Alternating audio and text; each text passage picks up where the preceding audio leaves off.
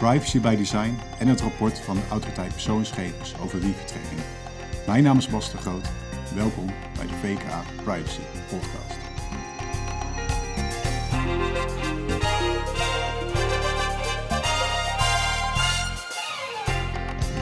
Het is in de vorige podcast ook al aangekondigd, de nieuwe Europese privacyverordening met veel aandachtspunten voor organisaties. Denk aan meer rechten voor betrokkenen, eh, verplichte privacy officers. Maar ook uh, privacy by design. Daar gaan we het uh, vandaag over hebben. Bij mij in de studio uh, Frank van Vonderen en Leonie Gedding, privacy expert, experts bij VKA. Welkom Dankjewel. deze uitzending. Ja, als ik het zo lees, artikel 25 van de, de privacyverordening, de GDPR of AVG, zo je wil, de Nederlandstalige versie. Um, daar gaat het over privacy by design. Alleen het wordt niet heel concreet. Er staat uh, iets over passende en technische organisatorische maatregelen, nodige waarborgen. Ik kan me voorstellen uh, dat organisaties zoiets hebben van privacy by design. Hoe dan? Nou ja, dat is zeg maar. Ook, ja, nee, dat is eigenlijk ook mijn ervaring. Organisaties vragen ook van en hoe dan? En ik moet zeggen dat als je kijkt naar de toelichting die wordt gegeven vanuit de wetgeving of vanuit de autoriteit, er zijn ook toelichtingen bij van denk van ja, dat biedt je nog weinig concrete handvaten. Ja. Ik heb het voor de grap uh, net eens uh, opgezocht. Ik wil niet gaan citeren, want zo, uh, zo duidelijk is het ook niet. Maar de ene uitleg is privacy by design. Je moet dan technologieën toepassen die de privacy beschermen. Hè, de zogenaamde privacy enhancing technologies. Weer zo'n onduidelijke term. de tweede hint die wordt gegeven is: hou rekening met dataminimalisatie en verwerk zo min mogelijk persoonsgegevens. Nou, dat eerste is echt wel iets wat blijkbaar een vertaalslag vraagt naar de techniek.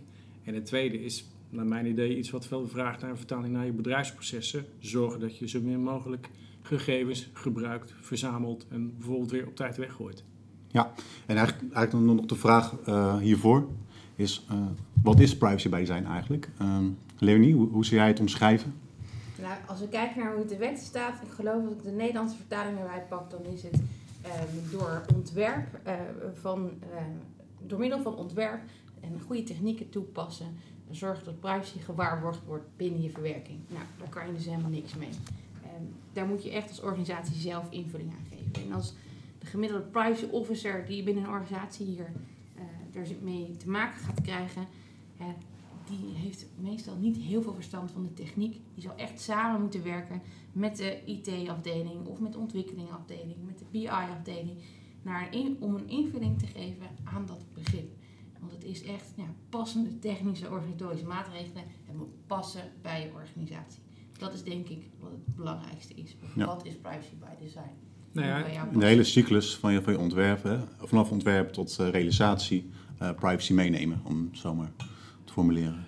Ja, dat is denk ik wel het ideale, het ideale plaatje. Dan heb je nog steeds de vraag van hoe doe je dat dan? Ja, precies. En dat is de vraag. Uh, wat je dan ook vaak hoort, privacy by design. Nou ja, doe wat met encryptie of doe wat met pseudonymisering of anonimisering. Um, het zijn waardevolle uh, technieken, maar dat wordt ook vaak makkelijk geroepen. Terwijl je ook moet realiseren hoe makkelijk of moeilijk het is om even encryptie aan of uit te zetten binnen een organisatie. Ik bedoel, het is geen lichtknopje. Mm -hmm. Dat is echt niet iets wat je zomaar kunt doen. Aanzetten van encryptie en wat betekent dat? Ja, dan wordt het te technisch, hè, want dan hebben we het ineens over sleutels en Kortom, er wordt, er wordt makkelijk geroepen van, goh, het is privacy by design, het is iets technisch, doe dat even. Maar in de praktijk is dat veel ingewikkelder en veel complexer. Naar mijn idee is er veel meer winst te behalen bij het zo, zo min mogelijk verzamelen van persoonsgegevens. Als ik kijk naar de organisaties waar ik rondloop, zij maken gebruik van een aantal processen en wat daarin gebeurt.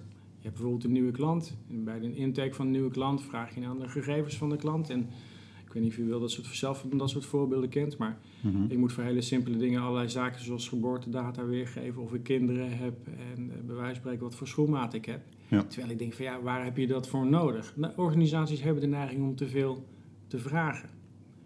Het overkomt me ook wel eens dat ik nog steeds dat ik word gebeld door een energiemaatschappij die zeggen van goh, in 2004 was u klant bij ons, wilt u niet nog een keer terugkomen? Dan denk ik van ja, waarom, waarom sla je dat nog over mij vast? Mm -hmm. Dus zo min mogelijk verzamelen over mensen. Ja. En als je het niet meer nodig hebt, ook weer weggooien ervan. Ja, ook dat zijn dingen waarvan ik denk, ook dat hoort in, in, in privacy by design plaats. Ja. Um, wat, ik, uh, wat mij ook een uitdaging lijkt, is dat uh, zeker met de nieuwe privacywetgeving, dat de rechten van betrokkenen een uh, belangrijke rol spelen. Uh, dus daarin zou je dat ook moeten borgen als het gaat om uh, recht op inzage, correctie, uh, recht van verzet, beperking van werk. Allemaal rechten die komen. Mm -hmm. Daarbij lijkt mij de vraag, hoe ga je dat dan vanaf het begin van je ontwerp meenemen? Dus hoe garandeer je dat als je die verzoeken krijgt op een later moment, bij een applicatie of iets anders, dat je die rechten ehm, daar antwoord op kunt geven? Heb jij daar ideeën over, Frank? ideeën. Dat is ongeveer wat het is. Ook weer de wetgeving biedt je daar ontzettend weinig, uh, weinig uh, inzicht in hoe dat, dat, zo, dan, dat dan zou moeten kunnen. Dat moet je dan echt zelf uh, bedenken. Ja. ik heb van de week ook nog met een energiemaatschappij een workshop gehad en precies dezelfde vraag gesteld. Er zaten allemaal IT'ers ook aan tafel, van de kant van de infrastructuur, vanuit applicaties, vanuit diverse hoeken. En ze ook de vraag gesteld van hoe kan je überhaupt al, ben je al überhaupt in staat om inzage te geven in waar je dus gegevens van personen hebt. Ja. Ik, ik heb zelf zoveel uh, gezucht uh, in één uh, ruimte gehoord, behalve misschien de zwangerschapsschim. Maar het was werkelijk was het enorm, ja, enorm lastig. Ik bedoel, ik probeerde maar eens inzicht in te krijgen. Ja. iedere organisatie gaat daarmee worstelen. Misschien kan ik ook wel een ander voorbeeld geven wat betreft het, het recht van, van verwijdering. Um, wat je ziet is dat een hele organisatie maken wel gebruik van bepaalde bronbestanden. Je klantadministratie is typisch zo'n mooi bronbestand wat je hebt. Of een burgeradministratie is voor een gemeente zo'n mooi bronbestand. Daarvan weet je natuurlijk dat daar gegevens in zitten. Daar kan je ook een inzage op doen, een correctie op doen, verwijdering op doen.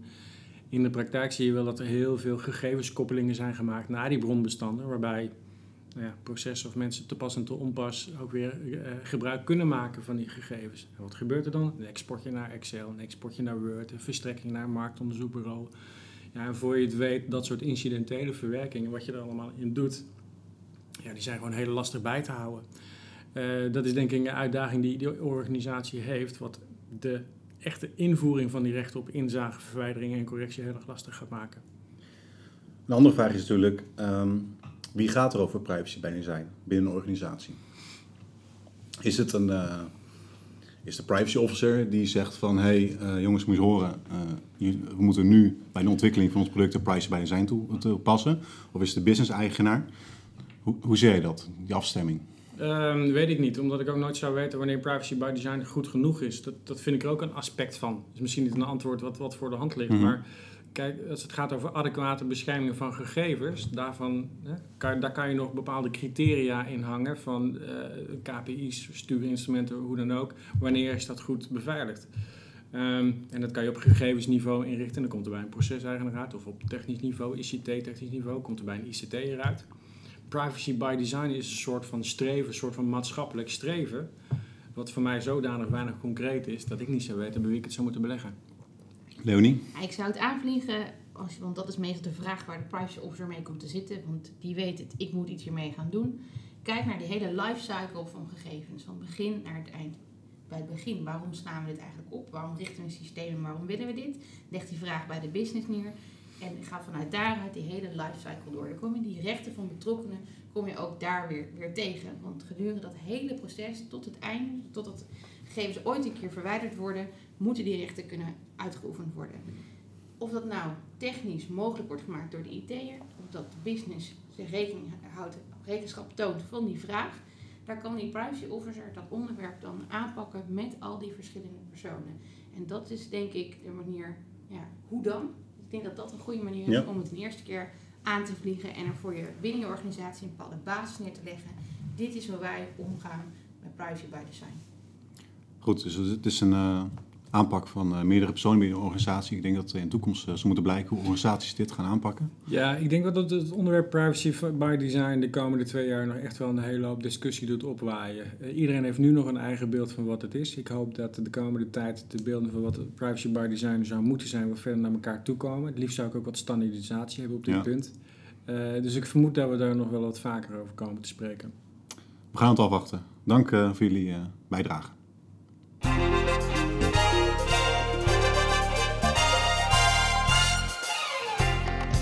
Het volgende onderwerp dat we bespreken is wifi-tracking. Uh, mijn uitzending uh, nog steeds Leonie Gedding en Merle Bonavaas van VKA. Welkom. Dankjewel. Um, ja, de autoriteit persoonsgegevens die heeft een, uh, een last onder dwangsom opgelegd aan Bloodtrace. Bloodtrace, moet ik goed zeggen. Een bedrijf dat technologie levert waarmee in en rondom winkels wifi-signalen van mobiele devices worden opgevangen, waardoor hierdoor krijgen winkeliers inzicht in het offline winkelgedrag.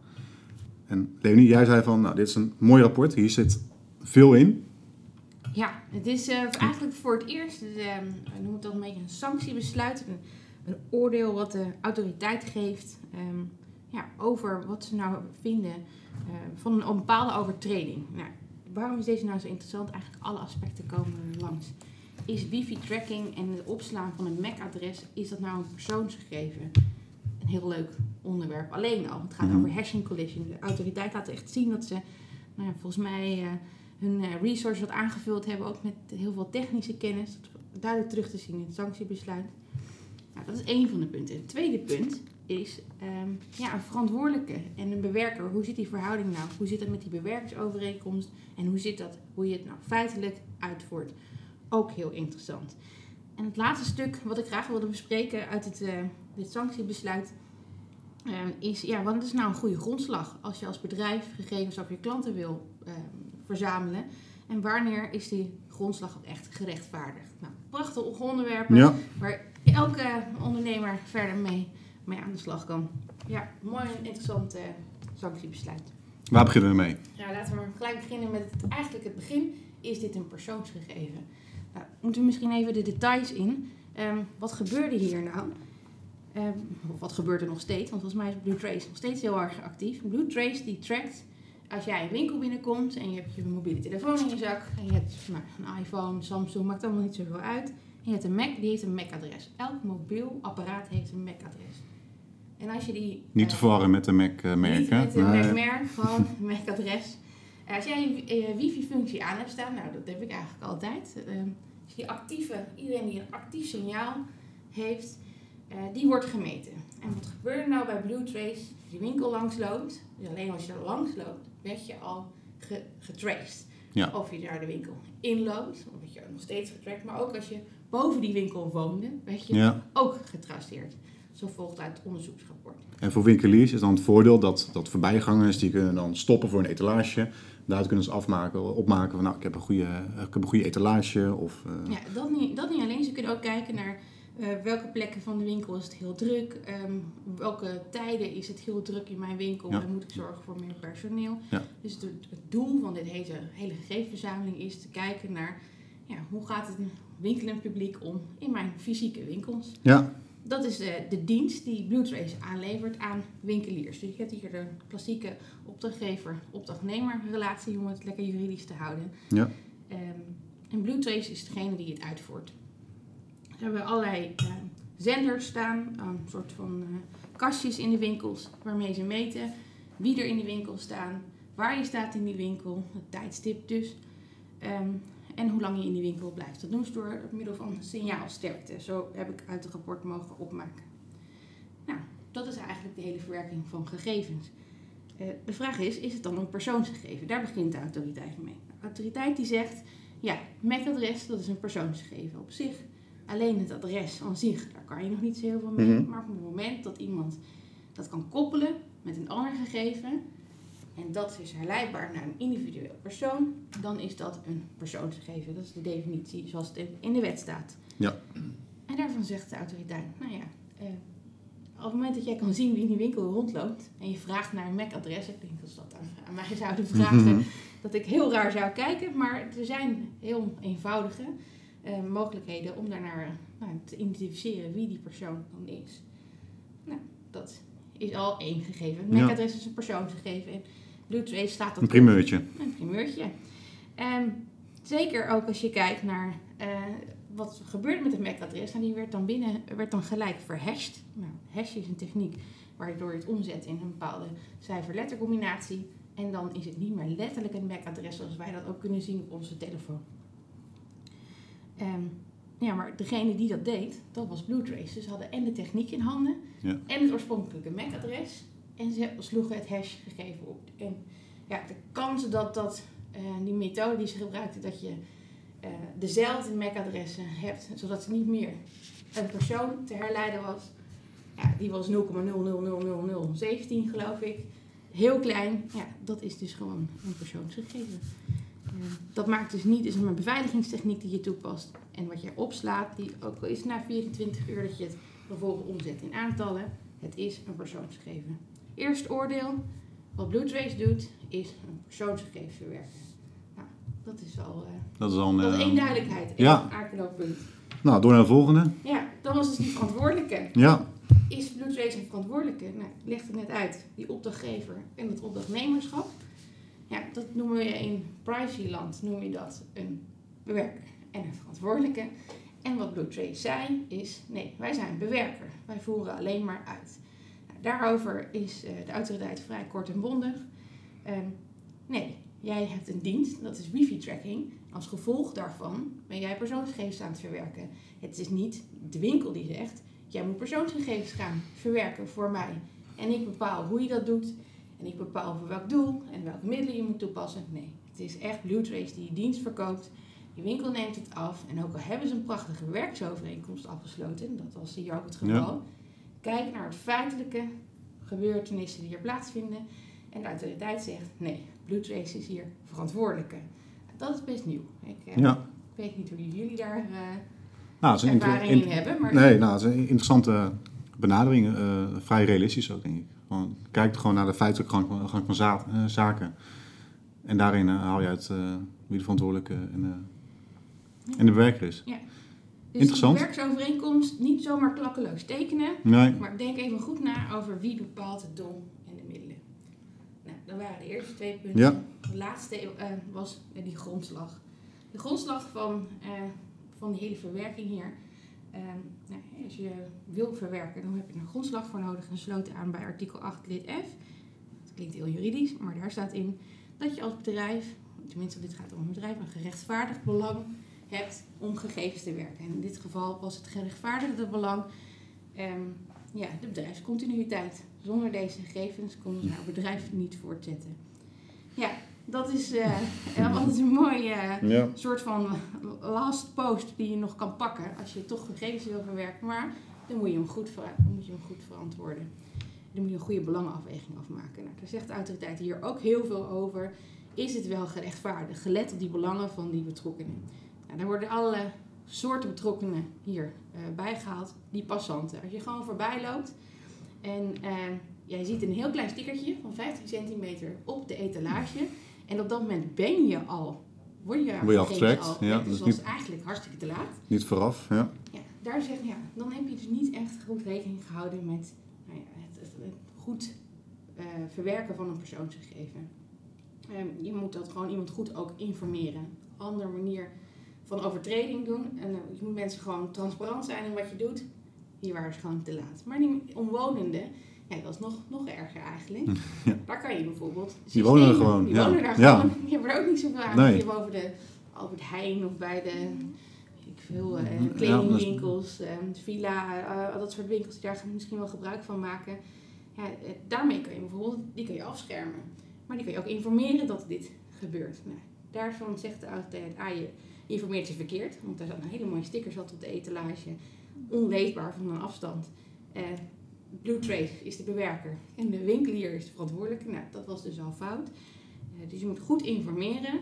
Eh, maar je moet ook goed kijken naar het belang. Wat is het belang van die eh, winkelier? Nou, misschien is het inderdaad wel dat je weet hoe druk het is in je winkel. Maar dat kan je ook doen door alleen maar de aantallen te verwerken.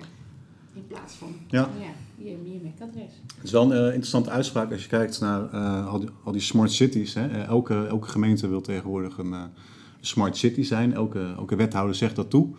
Eh, daar wordt ook veel, veel getracked. En er komt straks dus die, hè, we hebben het eerder over gehad, over de, de privacyverordening. Maar daar wordt de informatieverplichting nog, nog, nog strenger. Je moet nog explicieter zijn, nog toegankelijker, begrijpelijke taal en dergelijke. Ja. Ik denk dat het een hele interessante wordt in de toekomst. Zeker met smart cities. Ja. Eh, Ja, hoe, dat, eh, hoe dat gaat lopen. Interessante Ja, dit, dit Ontwikkeling. besluit die geeft gewoon heel duidelijk wat handvatten, handvatten in hoe de autoriteit kijkt naar ja, hoe ga je daar nou, eh, daar nou mee om. En echt, nou, we hebben het net in het vorige onderwerp al gehad over dataminimalisatie. Ja, als het niet nodig is om die gegevens te werken, als het niet nodig is om een MAC-adres te werken, je kan het ook anders doen, doe het dan anders. Ja. Duidelijk signaal van de autoriteit. Laatste puntje, eh, dwangsom. Uh, we, we, weten allemaal sinds kort dat de AP, of allemaal in ieder geval de mensen die met privacy bezig zijn, weten allemaal dat de AP sinds kort uh, 8 ton mag opleggen. Maar dat is hier niet het geval. Merle. Uh, nee, dat klopt. de autoriteit persoonsgegevens heeft hier een last onder dwangsom opgelegd van 5000 euro per week en met een maximum van een ton. nou, dat komt omdat dit um, onderzoek heeft plaatsgevonden in 2015. En de boetebevoegdheid van de autoriteit persoonsgegevens geldt pas per 1 januari 2016. Ja, dus ze hebben geluk gehad. Misschien wel geluk gehad. Een beetje geluk gehad. Maar ze moeten wel uh, binnen zes maanden na 30 juni, dus eind uh, dit jaar eigenlijk, voldoen. Met, met kerst? Met, de, kerst? met de drukke winkelperiode dus, moeten ze... Ik denk dat ja, ze zullen nog wat aantal dingen moeten aanpassen in hun doen en laten. Anonymiseren, zoveel mogelijk verwijderen als redelijkerwijs mogelijk is. En um, ja, die omwonenden, ja, die moeten ze wel heel snel verwijderen. Ja. Ja. Interessant. Zeg, uh, succes. En een helder signaal, uh, dubbele betekenis in dit geval, uh, richting andere organisaties die gaan wifi tracken. dankjewel voor jullie komst en tot de volgende keer. Dankjewel.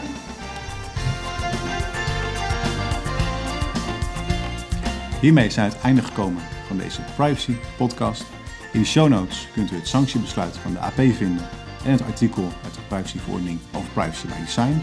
Voor vragen kunt u mailen naar privacy.vka.nl of via Twitter via @vka. Dank voor het luisteren en tot de volgende keer.